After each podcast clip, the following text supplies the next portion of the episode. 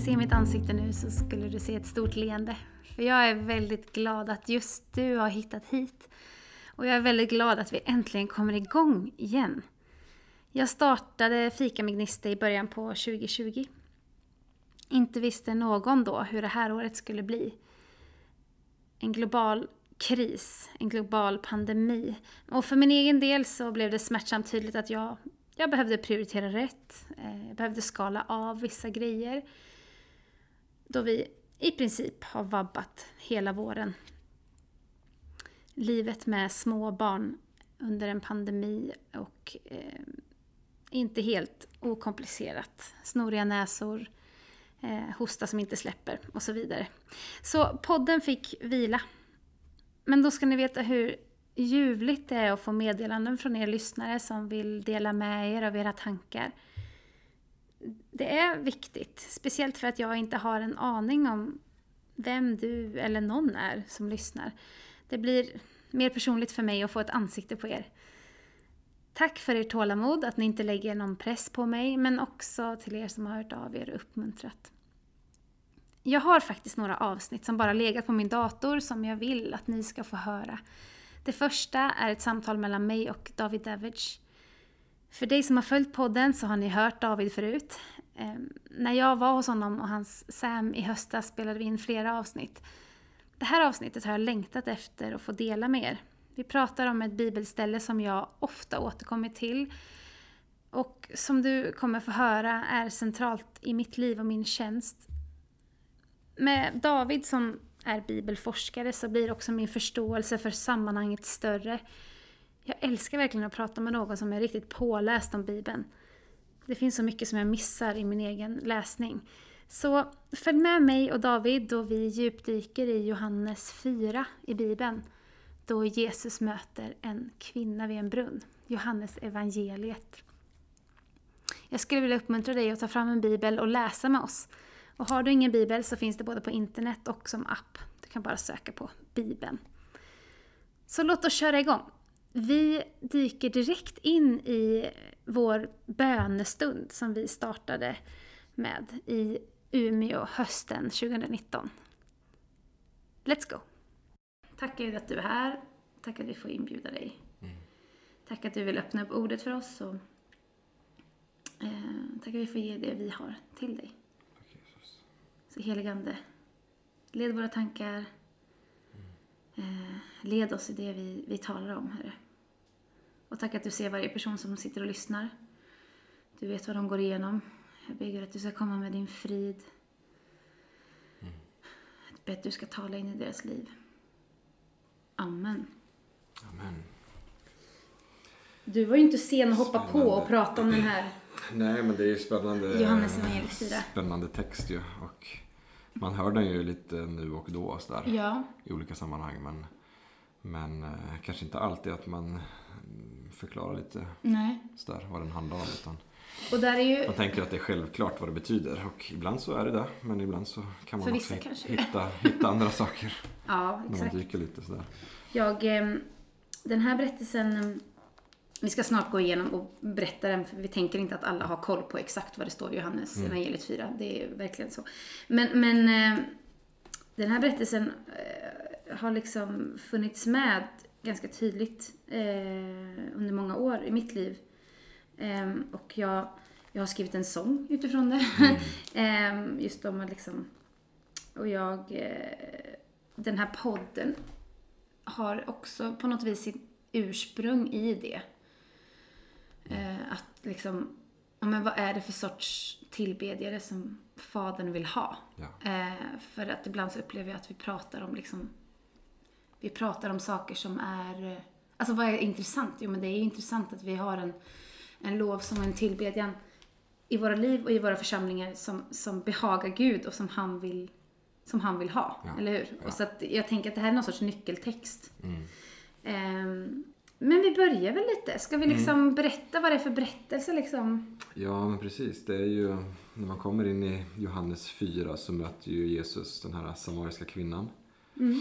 Vid en brunn och sen så börjar de ju prata om, eh, Vad, vad har de varit innan liksom? Vad är, vad är the story? Ja men alltså Jesus eh, går ju runt här. Han har ju varit eh, i Kana på det här bröllopet. Det gjorde Ja. han ju sitt första under. Och så har han rensat templet och sen så har det hänt lite andra saker. Och, och sen så liksom ehm, så är det som att, att eh, han måste gå igenom Samarien står det. Mm. Eh, och det där kan man ju fundera över. eh, Men, men eh, eh, bakgrunden är, är ju där också att det fanns lite spänningar mellan de som bodde i Judeen och de som bodde i Samarien. Så man såg lite sådär, inte så jättevälvilligt mot de här samarierna som var lite konstiga. Och de hade lite andra sätt och, eh, tillbe Gud. De, hade, de tillbad till exempel inte i templet i Jerusalem utan de hade ett eget berg som de var på, Mount Gerizim. Mm. Eh, Så där så liksom får zoomas berättelsen på något sätt in där. Att Jesus sätter sig vid en brunn Mm. och eh, möter den här kvinnan som kommer från staden och får hämta vatten. Och sen så blir det en berättelse dels om vem Jesus är då. Att Jesus är den som är ja, levande vatten som det står. Mm. Men också då om vad det innebär att tillbe Gud som ju är liksom andra halvan av den här berättelsen handlar om. Mm. Och det verkar då som att de, de för det här samtalet då och, och kvinnan börjar liksom bli väldigt nyfiken på vem Jesus är. För att Jesus verkar ju tala sanning om hennes liv och in i hennes liv. Där när han ber henne hämta sin man. Mm. Och sen säger hon, "Nej, men jag har ingen. Och så säger han, nej det är sant. Och sen så berättar han att hon har haft fem och den hon nu har är inte, är inte hennes man. Och så säger hon, Så "Jag- han, liksom, han ser typ rakt igenom henne. ja exakt. Ja. Han, han, eh, det är som att han drar in henne och formar henne där till ett vittne för om honom. För det är ju så som berättelsen slutar sen, att hon Mm. springer tillbaka och vittnar i stan. Och det är ju anmärkningsvärt i sig i den här kulturen att Just det är en det. kvinna som blir vittne. Ja.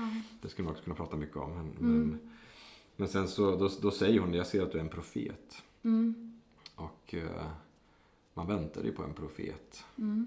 Eh, Och särskilt i, i Samarien där så fanns det specifika tankar om att det skulle komma en profet då som, som hörde ihop med Guds rikets ankomst och så vidare. Så det är en ganska stor bekännelse här. Och sen så börjar hon ju då prata om att i vers 20 så står det så här då framåt. Våra fäder har tillbett Gud på det här berget. Men ni säger att platsen där man ska tillbe honom finns i Jerusalem. Mhm. Jesus svarade, tro mig kvinna, den tid kommer då det varken är på det här berget eller i Jerusalem som ni ska tillbe Fadern. Mm. Ni tillber det som ni inte känner till, vi tillber det vi känner till eftersom frälsningen kommer från judarna. Men den tid kommer, ja den är redan här, då alla sanna gudstillbedjare ska tillbe Fadern i ande och sanning. Ty så vill Fadern att man ska tillbe honom. Gud är ande och de som tillber honom måste tillbe i ande och sanning. Så här är liksom sammanhanget i vilket, i vilket de här orden sägs. Mm. Alltså de sitter och pratar då om, ja men vi har tillbett här. Det har inte jag tänkt på så mycket förut faktiskt. Nej. När jag läst den här texten. Just att det, det handlar om... Vi Alltså, tillber här och de det tillber- Jerusalem eller det här andra Ja. berget? Så är det, ja men nej, ja, ni gör ju det nu. Vet man vad det var för speciellt med det där berget liksom? Det var Ja, det deras... var ju en alternativ plats Ja. för, för tillbedjan helt enkelt. Som var i deras liksom, kultur Ja, typ. precis. Ja, Mm. okej. Och då säger jag, men ni ska inte, vi, vi, det kommer en tid då ingen ens ska tillbe i Jerusalem.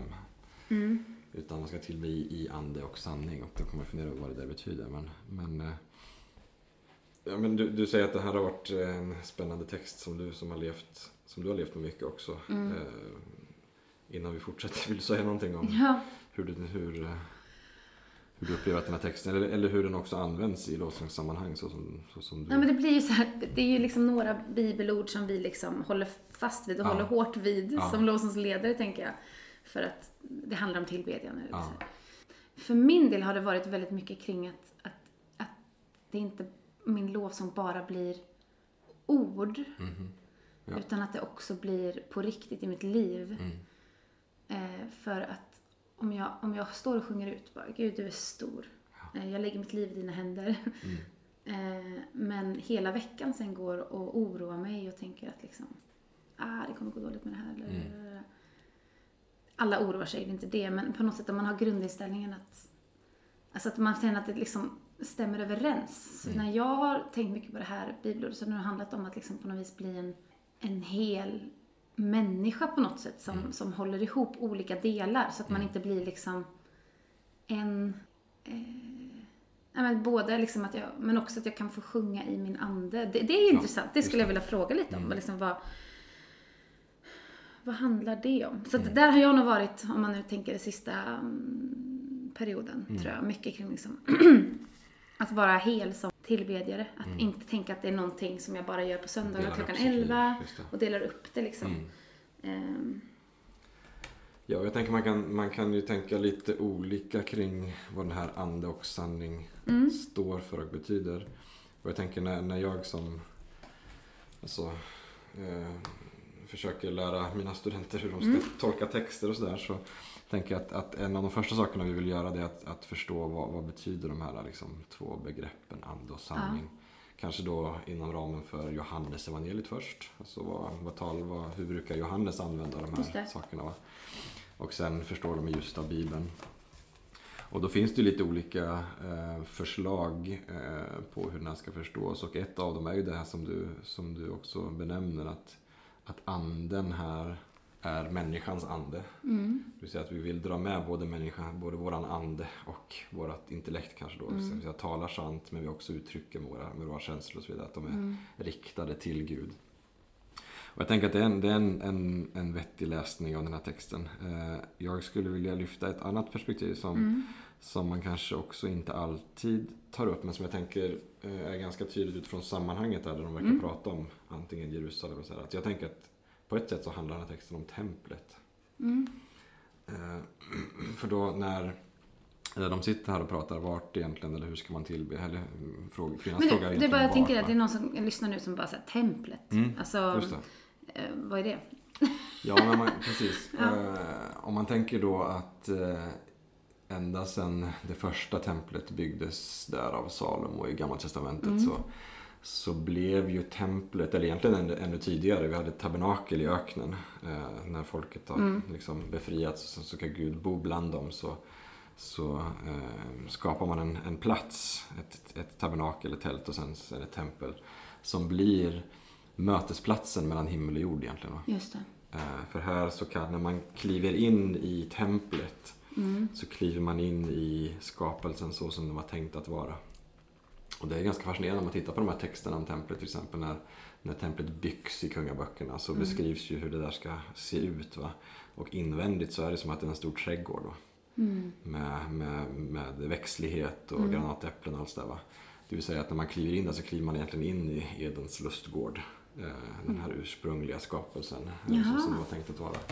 Och det är också den här platsen då där, där om man tänker att en av de stora berättelserna i Bibeln är att från början så skapade Gud himmel och jord, det vill säga de var förenade.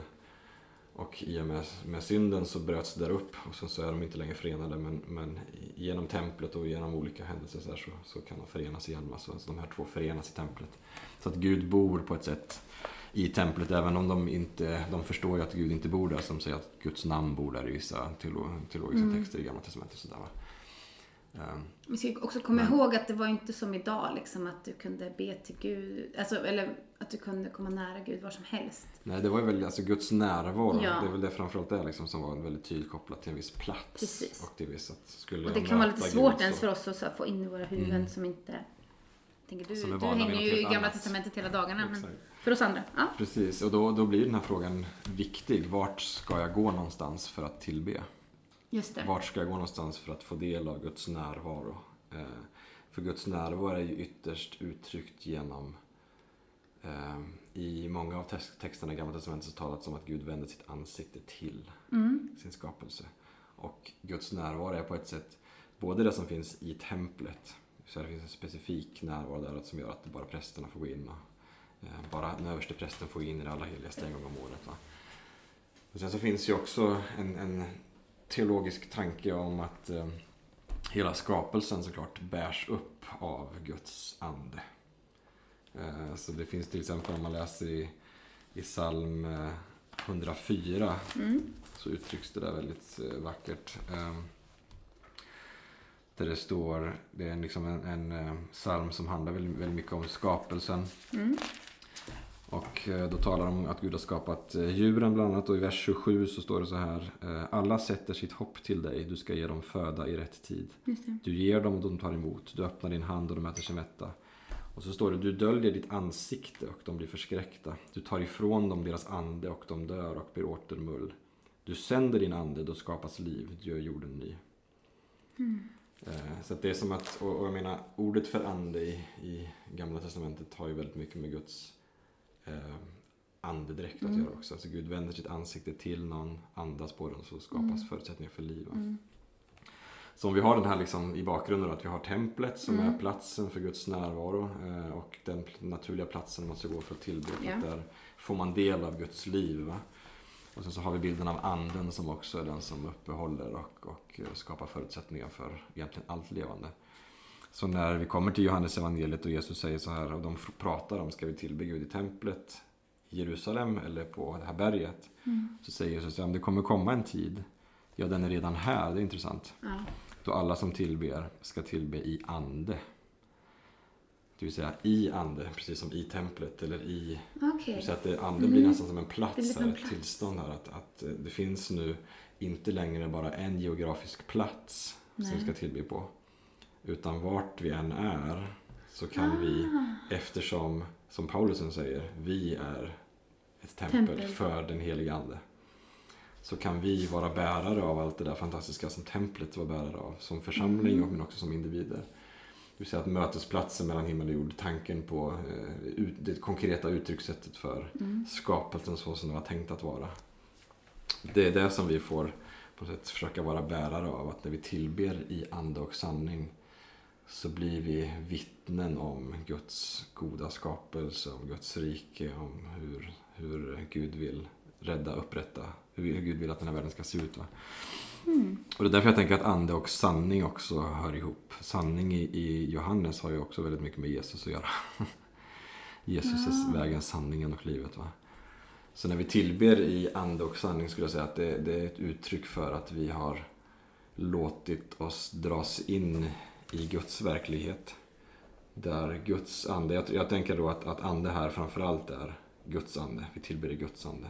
Vi får träda in i det här liksom himmelska rummet på något vis. Som inte längre är ett fysiskt hus utan Mm. det är liksom bor i oss genom att Kristus har andats på sina lärjungar och sagt ta emot Mm. helig ande. Så, så har vi på något sätt det där templet eh, över oss, i oss. Eh, och sanning. Så att det hänger ihop. Liksom, att det, det handlar inte bara om att vi på något sätt tagit del av den här verkligheten utan vi ska också tala sant och uttrycka oss sant.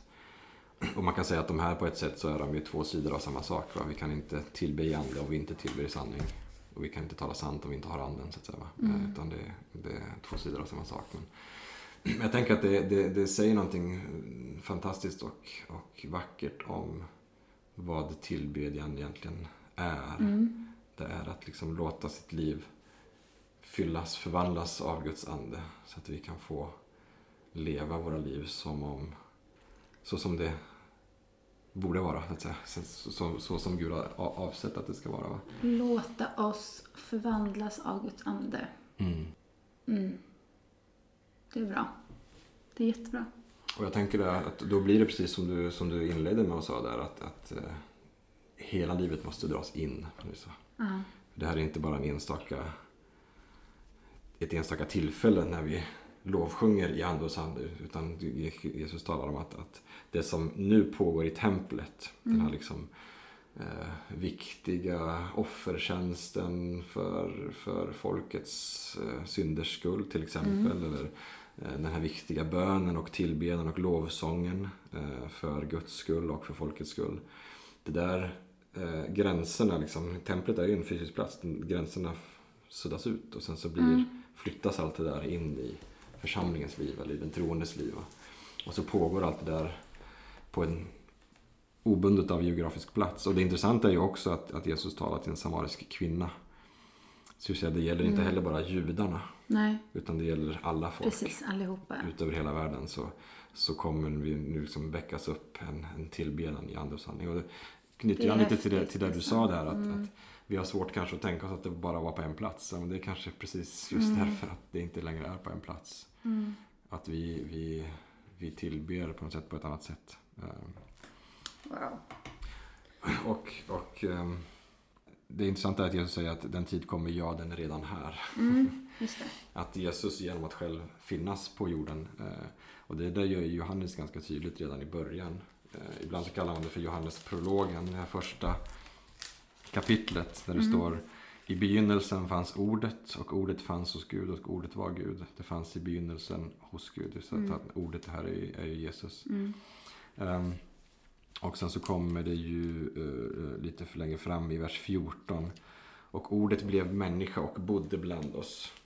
Och det här, en del som har hört någon predika över den här så, så kanske ni har hört att man ibland säger att det, det egentligen så står det inte bodde utan det står tabernaklade eller slog upp sitt tält. till. Jaha, Eh, Så det Jesus gör här i vers, vers 14 är att han kommer och, och blir templet. just det. Vilken... vilken I vers eh, 15. Vers 15. Bodde bland oss där. Det är, det är egentligen att, att Gud slår upp sitt tält eh, i Kristus. Just det. Så där har vi redan där en typ av Ah. ersättning av templet. Så i Mm. Jesu närvaro så, så Johannes är inne i det här här liksom. också då. Ja, exakt. Han är inne i någon sorts... Han ska förklara vad är det Jesus gör egentligen. Men han blir mötesplatsen mellan himmel och jord. Han blir den nya skapelsen. Och genom honom så kan vi tillbe då i ande och sanning. För det där tycker jag är lite lätt att glömma bort ibland när vi Mm. läser våran bibel. Att liksom... De var ju i en stor revolution här. Mm. Ja, Alltså Jesus, det var så otroligt... Eh, ja, men som natt och dag tänker jag. deras det är tankar för, verkligen sätt, ja. förnyelse. Och om vi pratar om liksom att förvandla våra tankar Mm. i Guds närvaro så var det ju verkligen det de var, var med om. Liksom, att allt det som de liksom... Jag har ju varit i Israel själv Mm. och bara så här, varit, fick komma hem till en, en judisk familj och, och fira sabbat. Det det. var fantastiskt. ja. Eh, men man bara insåg hur liksom allting är liksom genomsyrat av, i deras kultur av liksom eh, vi var där ett gäng pastorer, pingstpastorer. Mm. Och så hade de så här ett, ett quiz typ Mm. som de hade gjort i familjen. Mm. Och de här barnen de slog ju oss med hästlängder allihopa. Alltså de kunde, de kunde Just det. svara en sån, typ så här, hur, hur länge var Noa i... Mm. hur länge var arken. Noa i arken? Och vi bara, eh, ja vänta nu. Ehm, och de är ju liksom, de kan ju sin bibel om man säger så. Så jag tänker bara, jag tänker lite den, eh, den kulturen av att liksom kunna, kunna skrifterna, Mm. vara liksom djupt rotade i sin, och sen så kommer en man som bara vänder upp och ner på alltihopa. Mm. Man, ibland, jag har lätt att glömma bort den liksom. Ja, man kan tänka ju också att, att Jesus, eh, det, det fanns ju såklart Eller fullkomnade kan man också Ja, säga. men precis.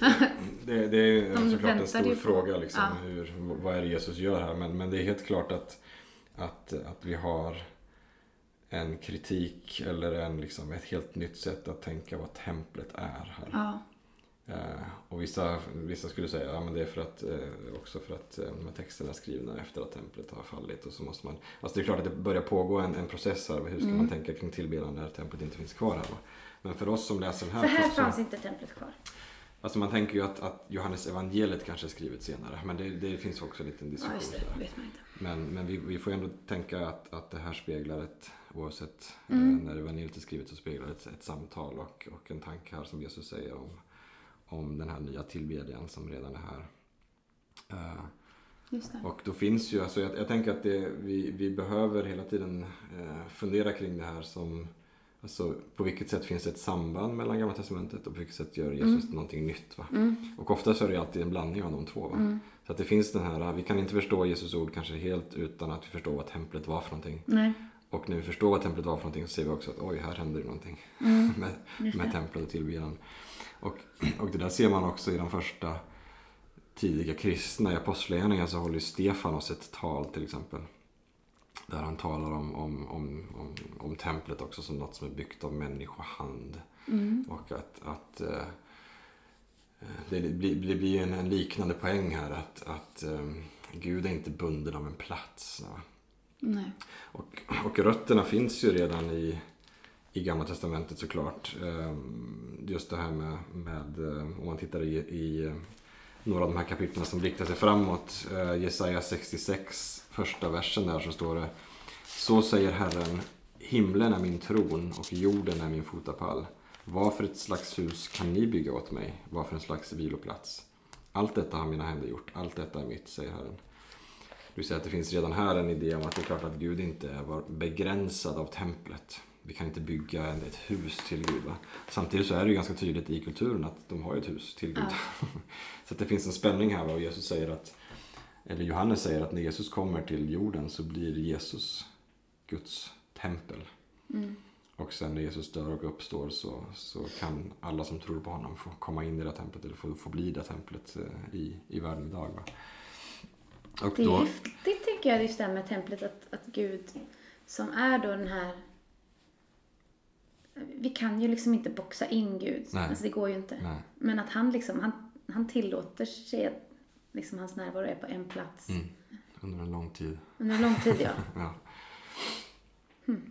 Och på ett sätt så, så kan man ju också, när man tittar i Paulus texter, han säger förstår ni inte att ni är nu det här Just det. Ja, men det är superstort. att det här liksom, att, att eh, det finns också ett, tänker jag, ett, ett eh, det är befriande på ett sätt. Att tänka att, att eh, vart vi än går så kan vi vara fyllda av anden. Mm. Och på något sätt tala och sjunga och tillbe som en frukt av att vi är fyllda av anden. Och sen finns det någonting, någonting också utmanande i det och allvarligt i det. Att, att vi, och, och just det, vi är nu bärare av Guds goda mm. skapelse ut till den här världen. In, inte bara som liksom ord att vi ska berätta för Jesus om, berätta om Jesus för andra utan att, att sättet som vi lever våra liv ska karaktäriseras, präglas av ande och sanning. Att då blir vi sanna gudstillbedjare när vi liksom inte varken frånkopplar de här två från varandra. Att jag tänker att ande och sanning är olika saker eller sådär. Eller att vi tänker att ja, men, vi, vi lever kvar i den här idén om att det finns en plats. Att, ja, men jag, jag tillber Gud i Korskyrkan i Umeå. Mm. Då tänker jag att Korskyrkan är byggnaden. Liksom. När jag går in mm. där då kan jag tillbe och sen kan jag göra något annat sen. Mm. Utan att det, allt hänger ihop på något vis. Uh, och det är det som, är, som blir det, det, det intressanta. För vad, vad säger kvinnan då när hon svarar? När Jesus har sagt det här, Gud är ande och de som tillber honom måste tillbe ande och sanning. Så säger hon, ja jag vet att Messias kommer.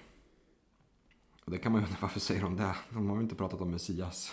Nej. Men Jesus, Jesus pratar om att det, kan, det ska komma en tid som är här där man ska tillbe ande och sanning. Och säga, ja men jag vet att Messias kommer. Och när han kommer ska han låta oss veta allt. Va? Så det finns ju också en, en föreställning då som hon, som hon också skriver upp på att det kommer en tid då Guds ande ska utgjutas brett. Vi har profetior i Joel om, om, om det här och i Gamla Testamentet mycket. Va? Att det, det, det hör till en viss tid och jag säga att den där tiden den, den är här, den är redo, den, den är åfärdig så att säga. Även om den ännu inte är här fullt ut. Eh, och så blir det här liksom ett, ett stort vittnesbörd för, för kvinnan men också för den by som hon, eller stad som hon eh, eh kommer till. Va? Så hon springer tillbaka till och sen så kommer det långt senare där i vers 39. Många samarier från den staden hade kommit till tro på honom genom kvinnans ord. När hon försäkrade, han har sagt mig allt som jag har gjort.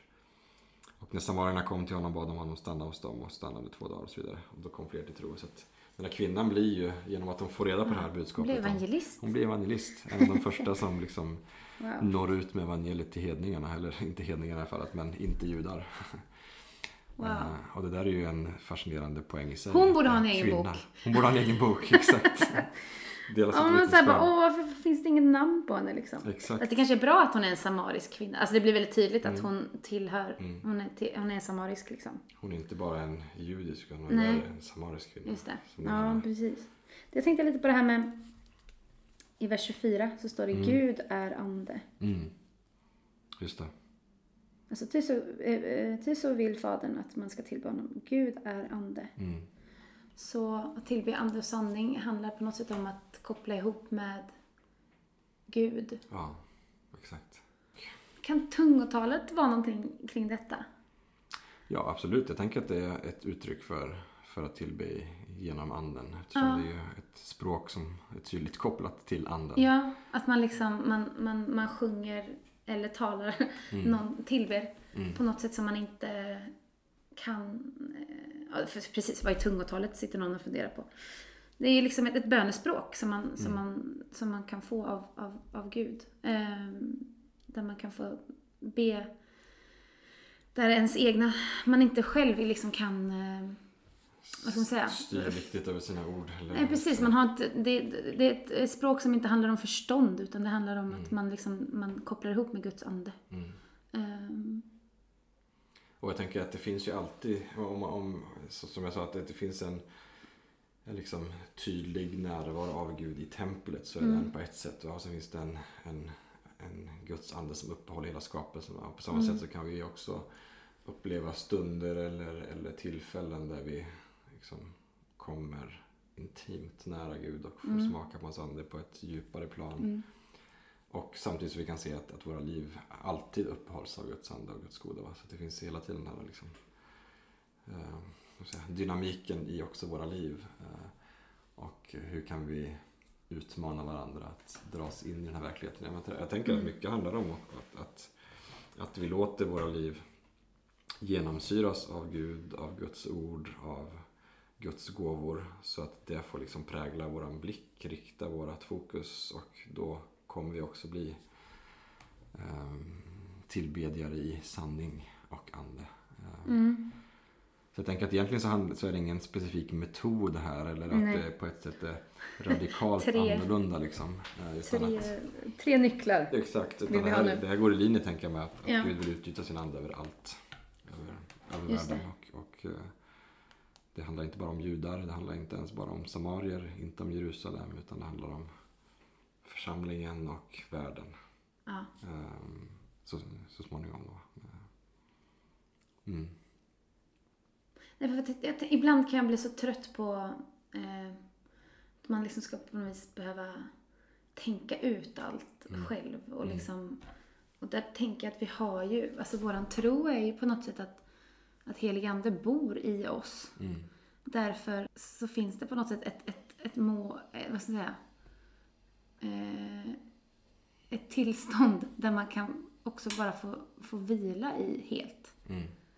Att, att det, inte handl, det är inte avhängt av mina ord. Nej. Utan att man liksom får koppla samman med någonting som, Mm. är, som han har på sitt hjärta. Mm. Och då blir det ju nästan ännu större tycker jag. Att Mm. man får liksom... Jag har nog lärt mig det också att jag, jag, jag, jag kan inte... Jag kan inte förbereda allt som ska ske under en Mm. gudstjänst liksom. Eh, Men för varje år jag har förmånen att leva, för varje liksom bok jag läser, för varje Mm. undervisning jag hör, för varje samtal jag tar, för varje liksom motgång jag har genom livet, för varje när jag har fått eh, liksom föda barn och få liksom, alltså alla de här sakerna som man upplever genom livet, Mm. kärlek, eh, hjärtesorg, allting. Så, så allt det där tar jag med mig in i rummet när jag Ja. leder lovsång. Ja. Så en sorts, Ja. livet är en sorts allmän förberedelse för den, den, den stunden. Mm. Och att Gud har lagt ner det i mig. Därför kan jag också vara trygg i att, att, att jag kan få koppla samman med honom den stunden Mm. och inte bli inte tänka att allting måste stå nerskrivet på ett papper. Eller, eller, sån har jag i och för sig aldrig varit. Men, men jag vilar mycket mer nu Ja. i min lovsångsledning. Ja. För att jag kan... Jag har så, sån naiv tro på att liksom, det, här, det här ligger på Guds hjärta. Mm. Han vill röra sig här. Eh, ibland kan jag nästan känna ju mindre jag förbereder mig, desto bättre blir det. Mm. Eh, Inte kanske för alla andra runt omkring, men för mig. Men, men jag tänker också, det, det, det du säger knyter an också lite grann till det här med, med sanningen. För jag menar, Mm. vad har de pratat om precis innan här i Johan, Johannes 4? De har ju pratat om att Jesus har sett vem hon är. Mm. Att hon har sett att eh, hon har ingen man, nej, för Mm. att hon har haft fem och, och så vidare. Vill säga att, att, eh, att tillbe ande och sanning är också att tillbe, inte bara tala sant om Gud, utan att tillbe som sanna människor. Vill säga att vi tillber med allt som vi är, precis som du säger. Va? Mm. Att eh, den här kvinnan blev ju ett vittne, inte för att hon eh, bad om att få sina synder förlåtna, utan för att hon hade drabbats av att Gud har sett henne. Och sett rakt igenom henne. Va? Och talat sanning in i hennes liv. Och den En gång till. Hon blev ett vittne för att Gud Ja, men Jesus talar sanning in i hennes henne. liv. Ja, Och så, så går hon och berättar. ja, Det här är ju en, en. Messias som Ja. ska komma för att han har talat sant om mig. Va? Eh, och, och eh, det han gjorde var att han sa ju inte bara att hon var jättebra utan han, han såg Nej. saker i hennes liv Precis. Som hon henne. kanske inte ville berätta. Det vill säga hon ville Mm. dölja de sakerna. Men nu när de sakerna var ute i, Mm. i eh, så att säga, eh, blickfånget så, så kunde hon tillbe sant. Och det där kan man också fundera över när vi tillber om det är saker som, liksom, vi, som Gud behöver Mm. peka ut i våra liv. Det här är du också. Eh, vad är sant om dig och, och, och sådär va. Så att det handlar inte bara, tänker jag, om, jag menar, om, om ande, det här att vi dras in i Guds verklighet och att vi på något sätt blir bärare av det här som templet var bärare av förut, så är sanningen också att, att eh, vara genuina i våran, våran tro, i vårt lärjungaskap och kanske också Jesus, ehm, det, det står inget, inget direkt här om att, eh, att han dömer henne. Nej. Utan han bara säger ja, precis. Du talade sanning här när du sa att du inte har någon man. Och sen så berättar han varför han ser att hon talar sanning och så vidare. Mm. Um, så där kan man också fundera över hur, hur, hur vi relaterar till de här sakerna. Sen är klart att, att om vi Mm. tänker i andra texter så är det klart att det, det finns stark betoning på omvändelse och, och sådana saker. Mm. Där, men, men kopplat till det här att, att tillbe ande och sanning så, så verkar fokus vara på någonting annat. Det verkar fokus verkar vara på att, att saker kommer i ljuset. Mm. Och eh, där finns en plattform för, för en sann tillbedjan. Precis. Det har jag inte heller riktigt tänkt på innan. Just hennes, eh, från hennes perspektiv liksom. Mm. Och deras samtal innan kopplat till Till ande och ande och sanning. sanning. Får jag läsa den här berätt- alltså bara de raderna som vi har pratat om Ja. på, i The Message? Eh, hur skulle du säga, vad är The Message? Det är en, är det en, det är en bibel, inte bibelöversättning? Jo, det kan man säga. Eller kan man kalla en, kalla det en, en förklarande Ja. bibelöversättning. Eh, tro mig, kvinna, det kommer en tid när ni samarier varken kommer att tillbe Fadern på detta berg eller i Jerusalem. Ni famlar i mörkret och tillber i blindo. Vi judar ser klart och det ligger i öppen dag vem vi tillber. Guds räddningsaktion blir tillgänglig genom judarna, men snart, ja redan nu, spelar det ingen roll vad man kallas eller var man tillber. Det är hurdan man är och, hurdan, och hur man lever som räknas för Gud. Det måste ingå i tillbedjan att ens ande strävar efter sanningen. Det är sådana människor Fadern letar efter. De som helt enkelt är sig själva när de tillber honom. Gud är ren existens, ande. När man tillber honom måste det komma ur själva ens egen existens, ens egen ande, ens eget jag. Det måste vara i kärlek. Mm. Det måste ingå i tillbedjan att ens ande strävar efter sanningen. Mm. Det tror jag är... eh, Det fångar in något ganska bra där. Alltså, Ja. Det man märker när du läser där då så det är klart att, att eh, man översätter inte bara texten, man förklarar vad man tror att Mm, texten betyder. Just det. Mm. Vi kallar det för en parafras i tekniskt språk. Där. Mm. Men, eh, och det ska man vara medveten om kanske också när man läser sådana översättningar. Att det är en persons liksom, tolkning här och det kan finnas andra sätt att läsa det. Men, men, men som du läste nu Det är nog viktigt att man inte bara har the message. Nej, precis. Liksom. Det är lite i linje också med det, Ja. vi, det vi har pratat om. Att Ja, det spelar ingen roll vem eller vart man tillber. Utan, utan eh, så det handlar om att rikta in sitt liv och vi kan låta oss fyllas av Guds ande. För det, det är det här jag lyfter mycket när jag är ute, just det här kring Mm. att, men jag, jag upplever nog att det är ganska många som är lite så här copy-paste. Alltså, man sjunger som någon annan gör, eh, Mm. man, man leder som någon annan gör. Man, Mm. man, och det är inget konstigt att ha förebilder och, liksom, och inspireras av andra. Det, det gör jag verkligen också det, och det tror jag vi ska göra för att liksom lyfta blicken. Mm. Men på något sätt tänker jag att jag älskar att se när människor verkligen har hittat sitt Mm. sätt att tillbe. Mm. Och det känns så genuint. Det. Och det tror jag föder tillbedjan i andra människor också. Mm. Eller jag, jag tänker det i alla fall. Att man, liksom, man ser att den där personen menar liksom varje ord Mm. Som det. den sjunger. Ja. Och det måste ju vara någon sorts... Det måste ju vara för oss lovsångsledare måste det ju vara någon sorts, någonting som vi verkligen strävar efter att bli genuina i vår tillbedjan. Mm. Så att vi inte bara gör som alla andra. Nej, precis. Så att man ser att när Josefina leder lovsång så gör hon Ja. det som Josefina och Ja. inte som någon annan. Alfred. Alfred, precis.